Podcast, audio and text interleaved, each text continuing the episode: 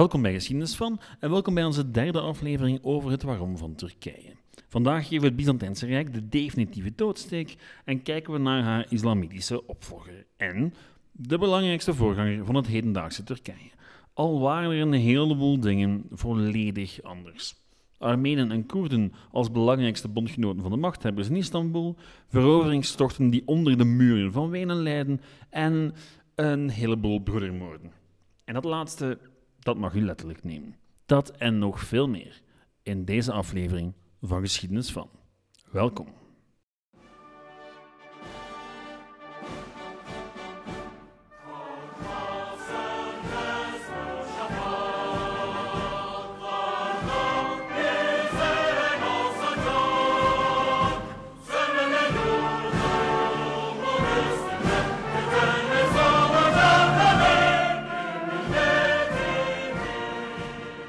Wie regelmatig naar deze podcast luistert, weet al lang dat ik soms een beetje teleurgesteld ben over het soort geschiedenis dat ik heb meegekregen in het middelbaar. Niet dat er per se iets mis mee was, maar ja, achteraf gezien zijn er een heleboel zaken waarvan ik wou dat ik ze, dat ik ze veel vroeger had ontdekt. Chinese geschiedenis, geschiedenis van de islam, ecologische geschiedenis en ga zo maar verder. Ook de geschiedenis van het Ottomaanse Rijk valt daaronder. Dat iemand als Erdogan er regelmatig naar teruggrijpt om het Turkse nationalisme wat aan te zwengelen, is dan ook geen toeval. Als we het hebben over de grote rijken van de late middeleeuwen en de vroegmoderniteit, dan moeten we het inderdaad ook over de Ottomanen hebben. Naast de Habsburgers, de Britten enzovoort, waren ze echt wel zeer belangrijk. En hun invloed is dan ook tot de dag van vandaag voelbaar over grote delen van Europa, Afrika en het Midden-Oosten. De Krim, de Balkan, Libië, Egypte, grote stukken van Irak, allemaal maakten ze deel uit van dat grote Ottomaanse Rijk. Een rijk dat zou blijven bestaan tot de Eerste Wereldoorlog, wat zeer lang is, als je weet dat het ontstaan is op het einde van de 13e eeuw. Wie vandaag de dag naar Istanbul trekt, kan genieten van de rijke erfenis die dat rijk heeft achtergelaten, maar door al die pracht en praal zou je bijna vergeten dat het relatief nederige beginselen had en dat er daarvoor een ander groot Turks Rijk was. Nu, door de komst van de Mongolen in het midden van de 13e eeuw viel het grote Turkse Rijk van de Seljuken uit elkaar. En niet veel later kreeg je een heleboel kleine rijkjes in Anatolië. Nu, daaronder dat van een zekere Osman. En die maakte gebruik van de chaos in Anatolië om uit te breiden naar het westen. Want niet alleen hadden de Seljuks een pak slaag gekregen van de Mongolen, Daarbovenop hadden de Byzantijnen handen vol met het proberen heroveren van Constantinopel en omstreken. Want in Constantinopel zat er een nieuwe keizer, een Latijnse keizer. Die was geïnstalleerd door de kruisvaarders en de Venetianen na 1204. Osman en zijn zoon wisten een heleboel vruchtbaar en rijk grondgebied te veroveren, dat hen in staat zou stellen om de rest van die Turkse heersertjes één voor één te onderwerpen. In 1326 werd Bursa de eerste echte hoofdstad van het Ottomaanse Rijk. Die stad lag in het noordwesten van Anatolië, al niet zo bijster ver meer van Constantinopel. Want ja, natuurlijk was die stad het echte ultieme doel van Osman en co. Ze zagen zichzelf steeds meer als de ware opvolgers van het Romeinse Rijk. Bijgevolg was er dan ook maar één stad die echt als hun hoofdstad dienen kon. Al was dat natuurlijk makkelijker gezegd dan gedaan. Constantinopel bleef een uiterst moeilijke stad om in te nemen en het keizerrijk had nog steeds heel wat territorium. Niet zozeer in Anatolië, maar in de Balkan. Nu, het eerste probleem, Constantinopel zou nog even moeten wachten. Maar met dat tweede wisten de Ottomanen wel raad in de 14e eeuw. Schepen landen Ottomaanse troepen in de Balkan, die al snel grote delen van hedendaags Bulgarije en Noord-Macedonië innamen. En daar zou het ook niet bij blijven. Toen de keizerlijke stad eindelijk helemaal omsingeld was, was het de beurt aan Constantinopel. Mehmed II wist met een combinatie van kanonnen, een formidabele zeemacht en heel wat militair vernuft de stad in te nemen in 1453. Einde van het Byzantijnse Rijk dus, maar de Ottomanen hadden al eerder aangetoond dat ze de nieuwe dominante macht in de oostelijke Middellandse Zee zouden gaan worden. In 1389 wonnen ze de slag van Kostovopolië tegen de Serviërs en vestigde zo een dominantie over de Balkan. Wat in het Westen een heleboel mensen deed panikeren. En leidde tot, jawel, een kruistocht. Al heb ik het er eigenlijk al over gehad. over die kruistocht. Het was de kruistocht waar een zekere Jan zonder vrees aan deelnam. Toen nog geen hertog van Bourgondië, maar enkel zoon van. En ja, die kruistocht die liep rampzalig af met de slag om Nicopolis. En het betekende het begin van een bijna niet te stoppen periode van Ottomaanse expansie in Europa. Hongaren, Polen, Tsjechen, allemaal probeerden ze de expansie van de Ottomaan tegen te houden. Ik kom nog wel terug op al dat krijgsgeweld, maar misschien moeten we eventjes kijken naar hoe dat rijk nu eigenlijk functioneerde. Want zo vanzelfsprekend was het allemaal niet. Turkse ex-nomaden die een groot territorium veroveren, dat is één ding. Het besturen op een effectieve manier, dat is dan weer iets helemaal anders. Want ja, die bevolking zat daar natuurlijk nog wel. In Anatolië ging het vaak over christelijk-orthodoxe Grieken en Armenen, in de Balkan over orthodoxe Serven, katholieke Albanen en nog een heleboel meer. Het lijkt bijna onmogelijk om te kunnen reageren over zo'n divers rijk. En wel, als de sultan de ambitie had gehad om alles persoonlijk te gaan besturen, dan was dat zeker ook zo geweest. Er was echter een relatief eenvoudige oplossing: decentralisatie. Bestuur een hele groep mensen niet door ze allemaal één voor één een bezoekje te gaan brengen, maar door gewoon samen te werken met een algemeen aanvaard kopstuk. En laat die kopstukken met wat hulp het zware werk doen van belastingsinning enzovoort. En geef hem en zijn mensen in ruil wat relatieve vrijheid. Die houding was lang de sleutel tot de relatieve stabiliteit van het Ottomaanse Rijk. En een heleboel andere trouwens. Het liet de sultans toe om te focussen op hun belangrijkste tijdverdrijf: veroveringen. Mehmed II bijvoorbeeld, degene die Constantinopel wist te veroveren, die had een heel ambitieuze plan. Na de verovering van Constantinopel liet hij zich kronen tot Caesari Rom. Oftewel, keizer van Rome, jawel. En die stad wou hij dus natuurlijk ook veroveren. Tegen de tijd dat hij overleed, zaten de Ottomanen al in het zuiden van Italië en probeerden ze op te rukken. Maar hij stierf vooraleer hij zijn droom kon verwezenlijken. De toon was in elk geval gezet. Tijdens de 15e en 16e eeuw breidde het Rijk steeds verder uit in alle mogelijke richtingen. De andere grootmacht in de omgeving kregen het dan ook alsmaar moeilijker. Zelfs het ooit zo machtige Egypte van de Mamluken viel in 1517. Een van de symbolen van die veroveringslust was Suleiman de Magnifique. Topnaam. Zijn vader was al geen doetje geweest, maar Suleiman was duidelijk vastbesloten om nog beter te doen. Hij regeerde 46 jaar en veroverde het merendeel van een tevoren nog zeer groot en machtig Hongaars koninkrijk. In 1529 streek hij zelfs neer voor de poorten van Wenen in een poging om de Habsburgers te doen knielen. Wenen bleek echter een brug te ver te zijn, tot tweemaal toe. Twee keer zou Suleiman oprukken tot aan de stadspoorten, twee keer zou hij zich moeten terugtrekken. Grote delen van Noord-Afrika en het Midden-Oosten vielen wel aan Suleiman. Die had trouwens redelijk boeiende bondgenoten in de gedaante van de Fransen. Jawel. Die hadden immers zoveel schrik van de dominantie van de Habsburgers dat ze zich dan maar allieerden met de Ottomanen.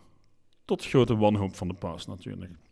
Nu, we zouden makkelijk kunnen focussen op al dat krijgsgeweld en alle veldslagen, maar naast al dat krijgsgeweld bloeide het Rijk ook op, op economisch en cultureel vlak. En daar is een belangrijke reden voor. Na de kruistochten bloeide de handel tussen Oost en West open. Westerse elites hungerden naar Oosterse specerijen en stoffen. En met Oosters bedoel ik echt Oosters. China dus. En welk rijk lag vlak in het midden tussen het Westen en het Verre Oosten? Jawel, het Ottomaanse Rijk. Dankzij de verovering van Egypte hadden ze plots ook toegang tot de Rode Zee. En dat allemaal tot grote frustratie van de Europeanen, die nu wel moesten onderhandelen met de Ottomanen. Zeker de Venetianen kregen het moeilijker en moeilijker om toegang te krijgen tot hun felbegeerde handelsroutes. De Portugezen en de Spanjaarden raakten ook grondig gefrustreerd, maar zouden hun heil zoeken in alternatieve routes en door, door ontdekkingsreizen uiteindelijk ook zelf in het Verre Oosten belanden. En tussendoor een nieuw continent ontdekken. Maar dat is dan weer een ander verhaal en voor een andere keer. Onder Suleiman werd al die rijkdom en macht vertaald in wetten en bouwwerken. Er werd een evenwicht gevonden tussen islamitische wetten en wereldlijke wetten, en Bagdad, Mekka en Constantinopel werden volgezet met prachtige gebouwen. Bezoek in Constantinopel is zeker de, um, de moskee van Suleiman. Dat is een prachtig gebouw, echt een aanrader. Nu, het mooie weer bleef natuurlijk niet duren. Al tijdens Suleimans tijd werd duidelijk dat het rijk van de Ottomanen wel eens zou kunnen wankelen. Niet zozeer door de bedreiging van externe grootmachten, maar door interne strubbelingen. Traditionele historici wezen vaak naar de harem van de sultans en al het politieke gekonkong. Uh, er was bijvoorbeeld een traditie om je broers en al hun kinderen om te brengen van zodra je sultan werd.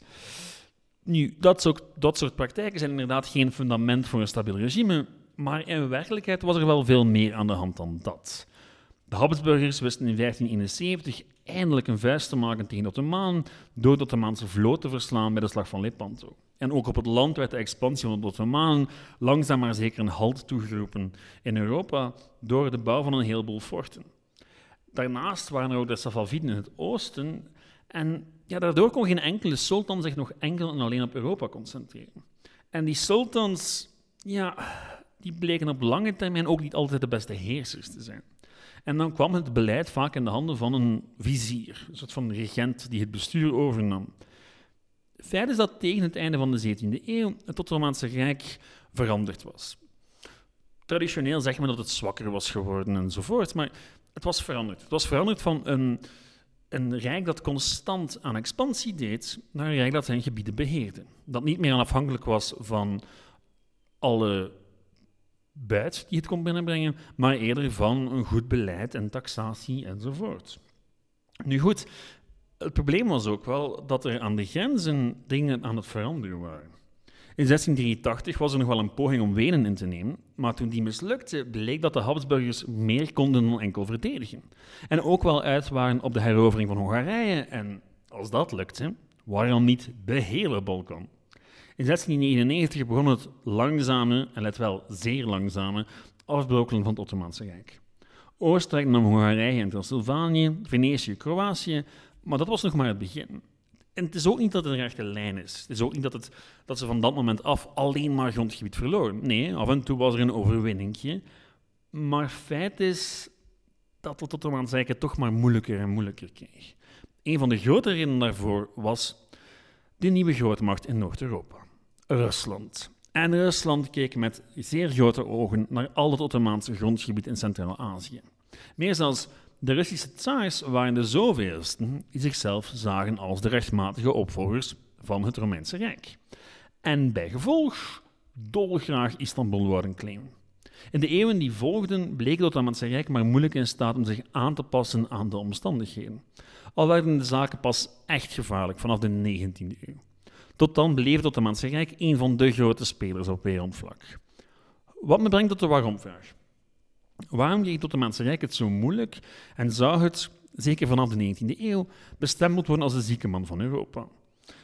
Er is zelfs een theorie die zegt dat Wereldoorlog 1 zou ontstaan door de zwakte van het Ottomaanse Rijk. En daar valt wel iets voor te zeggen, maar dat is eerder voor volgende week of de week daarna.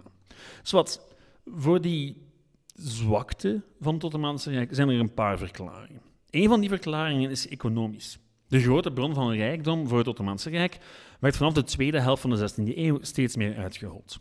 U weet wel, die handelsroutes waar ze zo lang een monopolie op hadden, wel, eens Portugezen en Spanjaarden rond Afrika wisten te varen om het Verre Oosten te bereiken, was het gedaan met de onbeperkte rijkdom.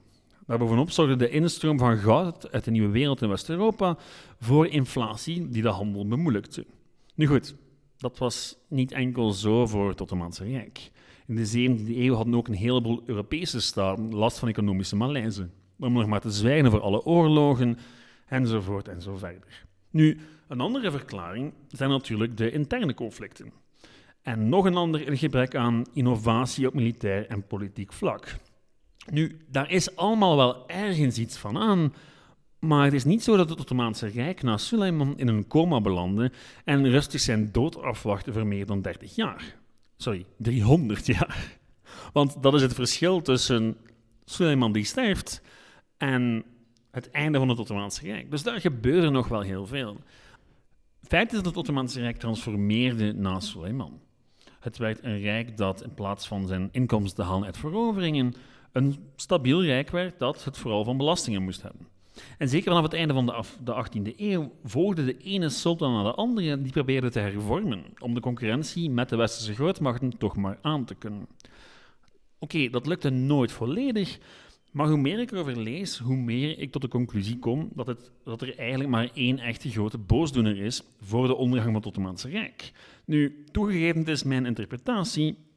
Als je mij vraagt, dan was nationalisme een zeer grote factor. En dat op meer dan één manier. Na de Franse Revolutie waren zowat alle multinationale rijken ten dode opgeschreven. Achteraf gezien, in elk geval. Want dat zou pas veel later duidelijk worden. Maar achteraf gezien stond in de sterren geschreven dat rijken met meerdere bevolkingsgroepen vroeg of laat ten val zouden komen. Of ze moesten zich hervormen om dat draaglijk te houden, maar ja, dat was geen makkelijk proces. Het nationalisme was een verbazend sterke ideologie. Eén land, één volk. En onder het nationalisme was het maar logisch dat een volk zichzelf bestuurde. Weinig dingen zo mobiliserend als die retoriek, en die was dan ook in het Ottomaanse Rijk ongelooflijk effectief. Al in 1804 brak de eerste nationale opstand uit. De Serven probeerden toen het Ottomaanse juk van zich af te werpen. En dat lukte gedeeltelijk. Servië werd toen een apart koninkrijkje onder de sultan. En dat gedeeltelijke succes was het begin van een schier oneindige reeks opstanden. Serven, Grieken, Egyptenaren, Albanezen, Bulgaren enzovoort zouden zich allemaal roeren in de loop van de 19e eeuw. Het Ottomaanse Rijk zou overleven, zei het met moeite. Want die opstanden waren niet enkel een interne affaire, was het maar waar. Andere grootmachten zoals Frankrijk, Rusland en Groot-Brittannië hadden immers ook de logica van het nationalisme omarmd. En ze raakten zo overtuigd van de rechten van de natie om zichzelf te besturen en dat die het recht hadden om zichzelf te verdedigen. Nu, dat wil zeggen dat ze dat vonden van zichzelf, in de eerste plaats, niet zozeer van de nazietjes onder hen, maar het wil ook zeggen dat ze dat konden gebruiken als excuus om zich te gaan moeien in het bestuur van andere naties als het hen geopolitiek goed uitkwam. En dat zou een zeer grote factor worden. Rusland zou zich in de Balkan opwerpen als de grote beschermer van de Servische nationalisten en de Britten, die zo zot waren van de oude Grieken, namen het op voor de eigen tijdse Grieken in hun onafhankelijkheidsstrijd. Oh, en de Britten streken tussendoor ook nog eens neer in Egypte en Sudan. En dan heb ik nog niet eens gehad over twee heikele onderwerpen waar ik het in dit reeksje ook nog over hebben moet. Armenië en Koerdistan. Goed, want ook die problemen die beginnen tijdens die 19e eeuw voor het eerst op te duiken. Er wacht ons dus nog een hele boterham en die is voor volgende week. Mocht u het nog niet doorhebben, dit was een bliksemoverzicht van de Ottomaanse geschiedenis en er is nog veel, veel meer dat ik u niet heb kunnen vertellen. Het is ook een beetje een kluwen. Um, en ik moet eerlijk toegeven, sommige van de dingen die ik heb gezegd vandaag zijn voor discussie vatbaar. Um, er is heel veel discussie over waarom het Ottomaanse Rijk uiteindelijk ten onder gegaan is, wat de factoren zijn die daarbij meespelen.